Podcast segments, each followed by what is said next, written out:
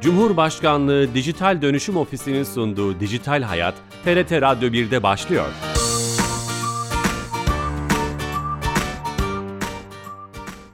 Herkese merhaba, ben Bilal Eren. Teknoloji ve dijitalleşmenin hayatlarımızı etkilerini her hafta bir başka konuyla ele alan Dijital Hayat programımıza hoş geldiniz. Bu hafta anne babaların bilinçli veya bilinçsiz şekilde çocuklarının fotoğraflarını, bilgilerini, hayatlarını sosyal medya mecralarında paylaşmasının neden ve sonuçlarını ele almak istedik. Uluslararası literatürde sharing olarak bilinen bu davranış biçimini uzman klinik psikolog Gülşah Aksakallı ile konuşacağız. Kendisi telefonla canlı yayınımıza katılacak. Ama öncesinde her hafta olduğu gibi kamunun tüm hizmetlerini dijitalleştirerek bizlere sunan Türkiye Gov.tr'den bir özelliği Dijital Türkiye ekibinin Ayşe Torun'dan dinleyeceğiz. Ayşe Torun hattımızda. Ayşe Hanım. Bilal Bey iyi yayınlar. Hoş geldiniz yayınımıza. Teşekkür ederim. Söz sizde efendim. Teşekkürler Bilal Bey. Ee, bugün size e, çok eskiden kalma bir anlaşma kapsamında sunulan hizmetlerden bahsedeceğim aslında. Ee, ülkemizde 1976 yılında imzalanmış olan Milletler Arası Ahvali Şahsiye Komisyonu'nun e, imzaladığı çok dilde nüfus kayıt örneklerinin sunumuna ilişkin e, bir sözleşme var. Hı hı. E, bu sözleşmeye 25 ülke taraf ve yıllardır e, bu kapsamda çok dilli belgeler nüfus e, vatandaşlık işleri genel müdürlüğü ilgili birimlerince tahs- e, temin ediliyordu kişilere. Biz şimdi bu belgeleri artık E-Devlet kapısından kullanıcılarımıza sunuyoruz. Bugün itibariyle e, çok taze bir hizmet. Çok birkaç önemli. saatlik. Evet. E, toplam 9 dilde sunulan e, çok dilli doğum, ölüm ve evlilik belgeleri E-Devlet kapısından uygun şartlarda çıktısı alınarak temin edilerek yurt dışındaki yaklaşık 25 ülkedeki makamlara e, resmi belge niteliğinde sunulabiliyor. Müthiş. E, bu ülkelerde ticaret yapan veya herhangi bir oturum izni, çalışma izni almak isteyen insanlar için belki de bu belgeler gerekli. Artık bunları Türkiye Gov.tr'den alabiliyoruz anladığım kadarıyla. Evet, aynen öyle. Harika. Ellerinize sağlık, emeklerinize sağlık.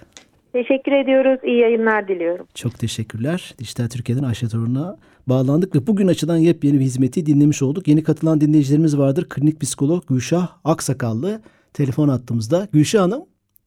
Merhaba Bilal Bey. Yayınımıza hoş geldiniz. Merhabalar.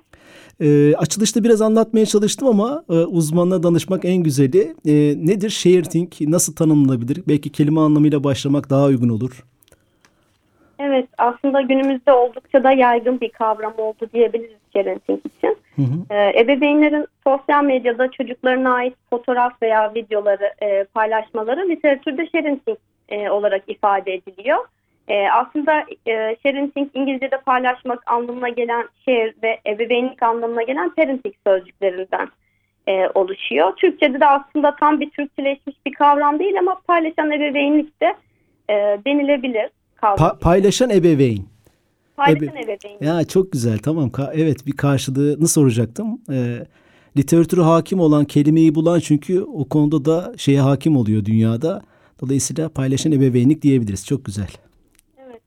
Günümüzde e, oldukça da yoğunlaştı tabii e, artık e, internetin kullanımının yoğunlaşmasıyla ve artık e, çocukların doğumlarından itibaren e, büyüme süreçlerinin sosyal medyada adım adım paylaşıldığını görüyoruz, şahit oluyoruz. Hani Hı hı, çok da yoğun bir şekilde.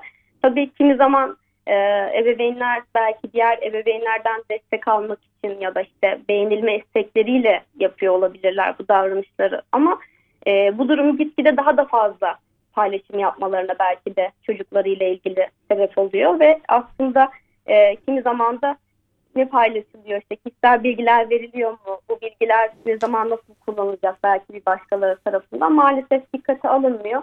Yani biz kısaca e, sharing kavramı için ebeveynlerin sosyal medyada e, çocuklarıyla ilgili fotoğrafları, videoları ya da buna benzer paylaşımları e, sunma davranışları ifa- ifade etmek amacıyla da hani kullanılabilir diyebiliriz. Harika. Neden ve sonuçlarını soracağım ama bu tabii paylaşım deyince hani ebeveyn paylaşımı vesaire bir olumluluk da var kelime anlamından yola çıkarak. Aslında sonuçları çok da olumlu değil. Biraz sonra soracağım.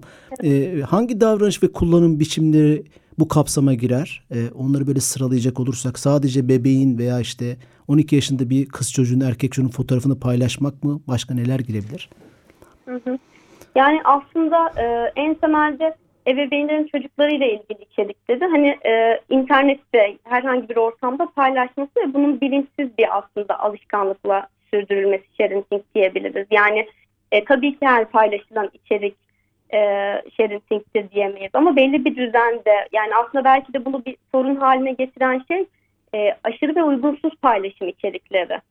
Yani paylaşımların miktarında işte içeriğinde eğer e, aşırıya kaçılırsa sorun daha çok büyüyor. Yani paylaşılan bilgilerin çok fazla kişisel olması ya da çocuk büyüdüğünde e, utanç verici olması da e, hatta oversharing olarak o da ifade ediyor. Yani aşırı paylaşım olarak ifade ediliyor. Yani çocuğun her adımını yani her adımı derken uyku anında, e, oyun esnasında, işte yemek yerken e, sürekli kamera karşısında olması aslında şerinsizdir diyebiliriz. Yani e, burada şey çok kıymetli. Şimdi bazı sorular gelebilir bu konuda. Ne var bunda? Çok masum ve iyi niyetli paylaşıyoruz ama bu ne var bundanın arkasında internet ortamına koyduğumuz her türlü içeriğin hiçbir zaman kaybolmaması, istemediğimiz bir yere gitmesi, onunla ilgili o fotoğraflar veya bilgilerle oynanma yapılması, ileride o kişinin o fotoğraf veya içeriklerle ilgili sorumlu tutması gibi birçok alt başlık var anladığım kadarıyla. E, dolayısıyla hani bu şeye nasıl cevap vermek lazım? E, yani tabii ki muhakkak ebeveynler bu paylaşımları yaparken tabii ki iyi niyetli yaklaşıyorlar. Fakat e, iyi niyetli oldukları gibi de aslında e, arka planda kendilerini sunma ya da işte dediğim gibi diğer ebeveynlerle rekabet etme, bu popülerlik kazanma olabilir ya da maddi kazanç elde etme isteği olabilir. Hani sonuçta biliyorsunuz artık hani çocukla birlikte e, kanallar açılıyor sosyal medya platformlarında. YouTube kanalları var, ciddi fenomenler var evet. Evet ve e, aile maddi bir kazanç elde ediyor, ediyor bu paylaşımlar. Dolayısıyla e, artık maddi bir kazanca da dönüştükten sonra e, bu paylaşımların ardı arkası kesilmiyor. Yani ne olursa olsun arkasında her ne sebep olursa olsun e, çocukların mahremiyetlerin ihlal edilmesine yol açıyor. Belki birçok ebeveyn bu paylaşımlar yoluyla e, sosyalleştiklerini ya da sosyal bir destek aldıklarını ifade etseler de e, çocuklar her ne kadar sosyal medya kullanıcısı olmasa da e, artık sanal dünyada dijital bir kimliğe sahip oluyorlar. Evet bu çok önemli. Çoğunluğu belki yüzde doksandan fazlası böyle bilimsel bir araştırma yok ama e, ebeveynler e, maddi gelir için çocukların fotoğraflarını değil biraz önce söylediğiniz hani sosyalleşmek, e, e eşli dostuyla paylaşmak, onunla gurur duymak gibi tırnak içinde insani e, niyetlerle paylaşıyorlar e, diye diyebilir miyiz hani siz bu konunun uzmanı olarak? Evet kesinlikle tamamen iyi niyetle belki de e, gelecekte karşısına ne çıkacak bilmeden e, ardında daha başka belki kişisel şeyleri de barındırarak yani aslında bilinçsiz bir kullanım diyebiliriz. Bilinçsiz aslında. kullanım çok önemli bir ta tabir bence evet. Evet. Evet. Peki bu hani e, bu kavranış, davranış ve kullanım alışkanlıklarını konuştuktan sonra e, belki şöyle bir bu psikolojik bir rahatsızlık mıdır? Gerçi e, bir hasta tedavi edilmesi gerekir mi? O boyutta mıdır? Hani bir e, psikolog olarak, klinik psikolog olarak ne dersiniz? Yani aslında psikolojik bir rahatsızlık mı yoksa bilinçsiz kullanımı diye bakarken e, ebeveynlerin bu davranışları gerçekleştirirken ne gibi gerekçeler olduğuna da bence bakmak gerekir. Yani e, bazen sorduğunuzda gerekçeler işte bir anı albümü oluşturma, hani Hı-hı. artık dijital ortamda bir kayıt tutma, e, çocuğu sanal dünyada var etmek e, ya da işte çevreye karşı daha pozitif, daha güzel bir aile imajı çizme evet. ya da işte toplum tarafından belki fark edilme, onay görme ya da tamamen kişinin e, kendi ihtiyacına yönelik, kendisini temsil etmeye yönelik olabilir bu davranışlar ama bazen gözlemlediğimiz değil de e, altta yatan psikolojik etkenler de e, paylaşım nedenlerini oluşturabilir. Yani zaten kişiden kişiye de değişiklik gösterir muhakkak işte yaşına, e, kültürel farklılıklara, işte kişinin insan ilişkilerine bağlı olarak. Ama şunu söyleyebiliriz belki, e, sosyal medyada kişilerin öz sunumları yani etkileşimde bulundukları kişilerdeki izlenimlerini kontrol etme çabaları olabilir. Yani kendi öz kaygılarını e, arttırma nedeniyle de bu paylaşımları yapabiliyor olabilirler.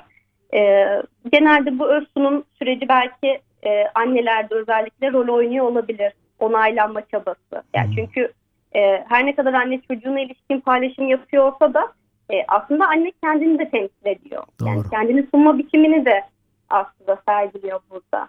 Annelik ee, gururunu da... veya onu paylaşma bu gayet insani bir şey değil mi aslında? Evet. E, bir o zaman psikolojik bir rahatsızlık demek çok aşırıya kaçan bir yorum mu olur? Yani aslında psikolojik ihtiyaçlardan kaynaklı diyebiliriz. Fakat doğrudan psikolojik bir rahatsızlıktır diyemeyiz. Yani ama bilinçsiz kullanımı olduğu aşikar tabii ki. O zaman bu bilinçsiz kullanımın altını dolduracak hani risk ve e, muhtemel sonuçları konuşalım mı biraz? Sizin önünüze birçok vakalar geliyordur. Siz bunun hani bu konuda çalıştığınız için e, mutlaka algılarınız açıktır. Ne ne gibi sonuçları var? Örnek olaylar neler? Hani bir veya birden fazla paylaşımın hiç fark etmeden. Hı hı. E, aslında sharing davranışının e, çok masum görünse de evet ciddi sonuçları olabiliyor. Ya başta zaten mahremiyet, e, çocuk istismarı, pedofili gibi riskleri de e, barındırıyor. Maalesef. E, ve ebeveynlik paylaşımla ilgili bir önemli sorun da dijital çocuk kaçırma aslında. E, bu da e, sosyal medyada herkese açık bir şekilde paylaşılan e, çocuk fotoğraflarının işte başka kişiler tarafından çalınarak onların kendi çocuklarıymış gibi internette bu fotoğrafları tekrardan yayınlayabilmesi. E, bu da önemli bir risk Doğru. bence. E, tabii riskler sadece bunlardan ibaret de değil. Hani çocuğun kimlik gelişiminde de e, mutlaka olumsuz etkileri olabilir. Çünkü çocuk yani henüz yeni doğmuş ya da işte çocukluk döneminde ama onun yerine biz bir kimlik yaratıyoruz. E, tamamen anne baba olarak. Ve ona yönelik inşa edilen bu kimlik e, ileride çocuğun bu kimliğe bürünmesine de kimlik karmaşası yaşamasına da muhakkak neden olabilir. Ya da işte e, oluşan bu dijital ayak izleri ilerleyen dönemde de e, çocuğa zarar verebilir. Yani mesela şöyle bir örnek. Çocuk üniversiteden mezun oldu. E, iş arıyor. Ve başvurduğu şirket, yani şimdi artık günümüz dünyası tabii ön arama hep internet üzerinden Doğru. gerçekleşiyor. Şimdi ön aramayla internet üzerinden e, kişiye ait olumsuz bir intiba oluşturacak görüntünün çıkması belki onun geleceğine dair önemli bir noktada sıkıntı yaşamasına neden olabiliyor. Ee, ya da özel hayatı kimya açısından da e, çocuğun çelişkiler yaşamasına neden oluyor ve bunun da tek sorumlusu bu noktada e, hiç istemezler belki ama bebeğin oluyor maalesef. Evet e, bu örnekleri soracağım. Aa, Yeni katılan dinleyicilerimiz vardır hatırlatmakta fayda görüyorum. Ebeveyn paylaşımı olarak Türkçe'ye çevirdiğimiz sharing meselesini e, uzman klinik psikolog Gülşah Aksakal ile konuşuyoruz. Dijital Hayat programımızın canlı yayınında. E, bu e, sadece fotoğraflar değil, onunla ilgili bilgilerin, bulunduğu ortamların, hayat akışının, işte gittiği mekanların, tatilin veya bulunduğu çevrenin bilgilerinin de fotoğraf veya herhangi bir başka lokasyon paylaşımıyla bile olabilir. Bunların da belki sadece fotoğraftan bağımsız olarak söylüyorum. E, sonuçları olabilir. E, yanılıyor muyum? Evet kesinlikle sadece fotoğraf değil konum, kişisel bilgileri, okul, adres bilgileri her türlü bilgi aslında çocuğa dair. Ee, yani onun e, şu an belki dikkat edilmeyen paylaşımlar çocuğun itibarına zarar verebilir. İşte incinmesine ya da işte öz saygısında sıkıntı yaşamasına neden olabilir. Belki bize çok komik gelen bir video e, çocuğun okul hayatına dalga geçilmesine belki bu konuda zorbalığa maruz kalmasına Çok önemli. sebep olabilir. Yani işin e, boyutu hani sadece belki ileride çok uzun vadede düşünmemek lazım üniversite ya da işte işe girme. Yani okul hayatında da önemli bir faktör. E, Yani şu an herkes- yaşadığı ortam için bile zararlı olabilir. Olumsuz Kesinlikle. sonuçları olabilir. Evet. e, mevcut durumda. Şimdi sonuçta onun e, evde ayrı bir hayatı, okulda ayrı bir hayatı var. Ve onun ne yaşadığını ya da işte hangi kimlerin bu içerikleri gördüğünü e, ya da neden yayıldığını belki biz paylaşıyoruz ama e, ucu bucağı açık. Acaba nereye gitti? Belki bir e, kaybolan hikaye niteliğinde bile sosyal medyada paylaşılıyor. Ama e, ekran görüntüsü dediğimiz bir olay var. Evet. Yani bu fotoğrafların e, nasıl kimlere yayıldığını maalesef bir kontrol e, etme imkanımız olmuyor. Hı hı hı. Dinleyicilerimizin Hı Çok çocuğun önemli. kişilik haklarının da ihlal edilmesine neden oluyor. Onu da soracağım. Ee, Bu çocuk hakları ve rıza meselesini de soracağım. E, belki de şunu anlamamız gerekiyor hepimizin. İnternetteki var olan koyduğumuz bizim tarafımızdan yüklenen içeriklerin biraz önce söylediğiniz ucu bucağı olmaması. Ne demek bu? Ee, başkaları tarafından bunlara çok kolayca erişilebilmesi. Kötü niyetle tırnak içinde ki o kötü niyet kavramı da o kadar geniş ki e, burada maddi manevi kötü niyetten bahsediyoruz. E, kimlerin tarafında ele geçirilebileceğini hiçbir zaman tespit etmenin de mümkün olmadığı bir dünyada yaşıyoruz. Evimizdeki fotoğraf albümü fiziki bizim çekmecemizde duruyor. Fakat orada bulundurduğumuz fotoğraf albümü kimlerin eline geçebilecek? E, aile olarak e, e, belki bizim hoşlanmadığımız veya problem yaşadığımız bir e, komşumuzun veya herhangi bir iş ortağının eline de geçebilir. E, hiç tanımadığınız başka niyetleri olan birinin eline de geçebilir. Bu kapsamda herhalde biraz teknik bilgi de lazım. İnternetin o çok güzel söylediniz. Yani uçsuz bucaksız aleminin iyi bilinmesi lazım. Evet, kesinlikle. Evet, e, bu çocuk hakları bağlamında e, ele alsak mesela ben öyle bir soru da sormak istiyorum. Yani rıza diyorlar mesela rıza. Gerçi bu yaşta bir çocuktan rıza almak ne kadar e, şey olabilir, gerçekçi olabilir? E, siz ne dersiniz bu konuda? Ee, evet aslında çocuğun kişilik hakkına e, müdahalenin belirlenmesi noktasında rıza e, önemli bir rol oynuyor. Hı hı. Ama çocukla ilgili paylaşım yapmadan önce tabii ki çocuğun fikrinin alınması, işte rızasının alınması önemli. Ama şöyle tabii e, tek başına rıza yeterli mi diye düşündüğümüzde e, yeterli olmadığını söyleyebiliriz. Çünkü rızanın aslında veriliş şekli de önemli.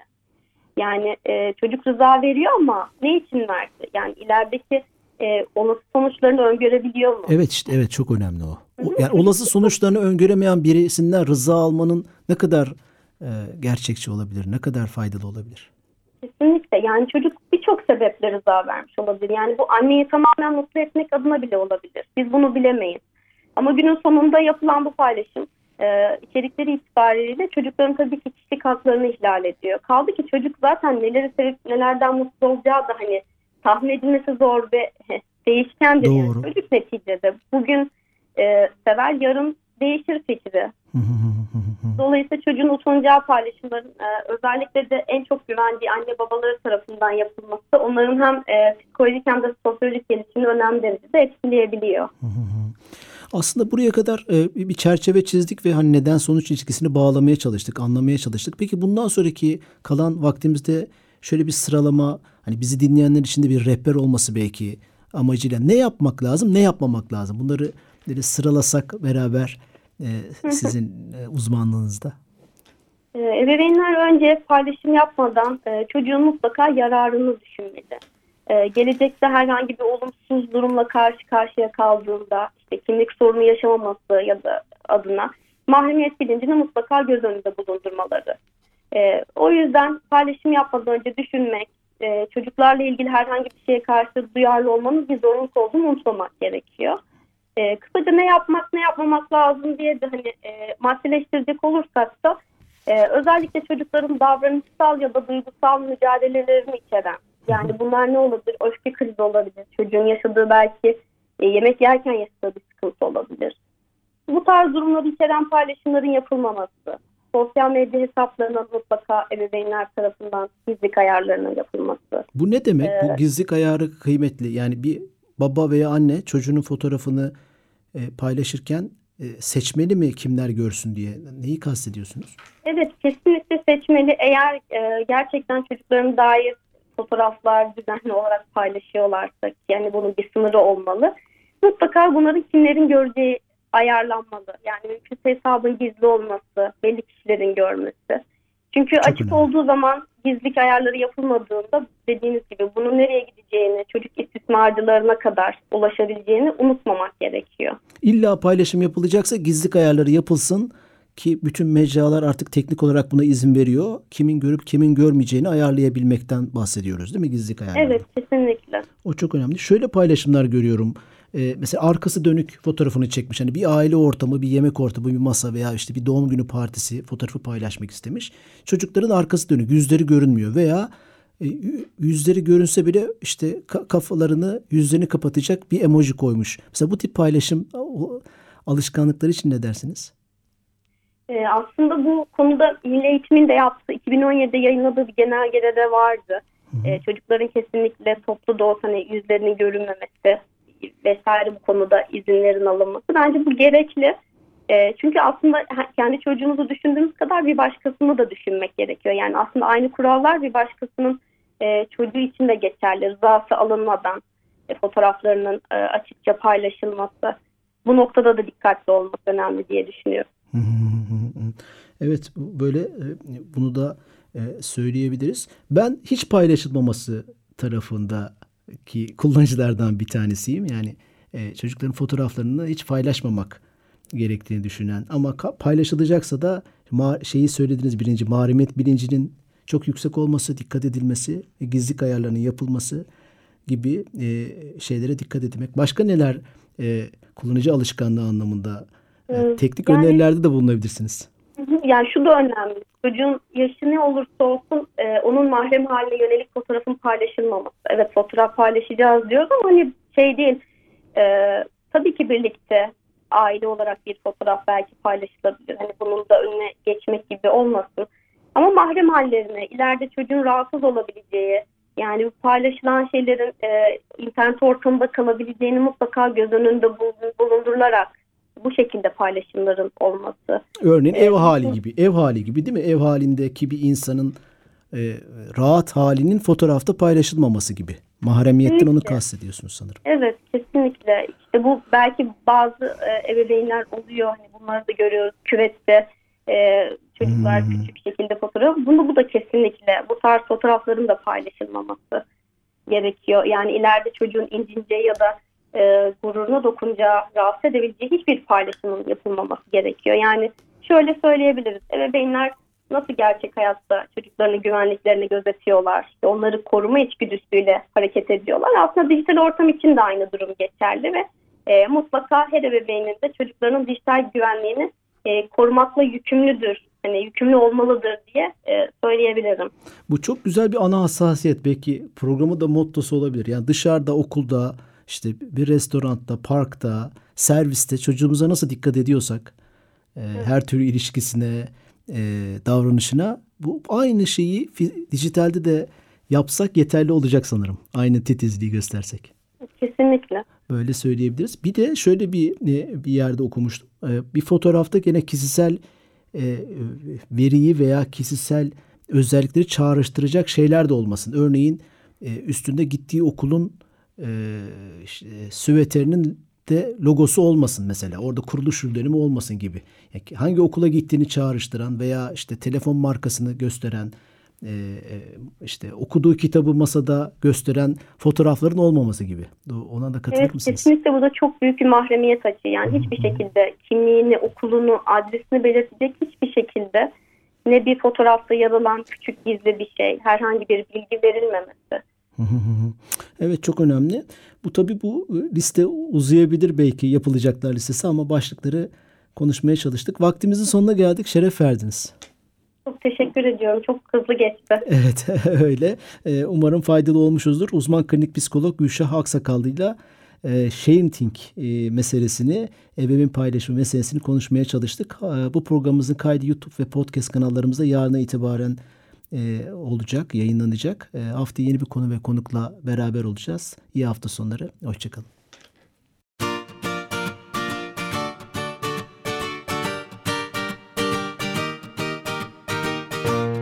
Cumhurbaşkanlığı Dijital Dönüşüm Ofisi'nin sunduğu Dijital Hayat, TRT Radyo 1'de sona erdi.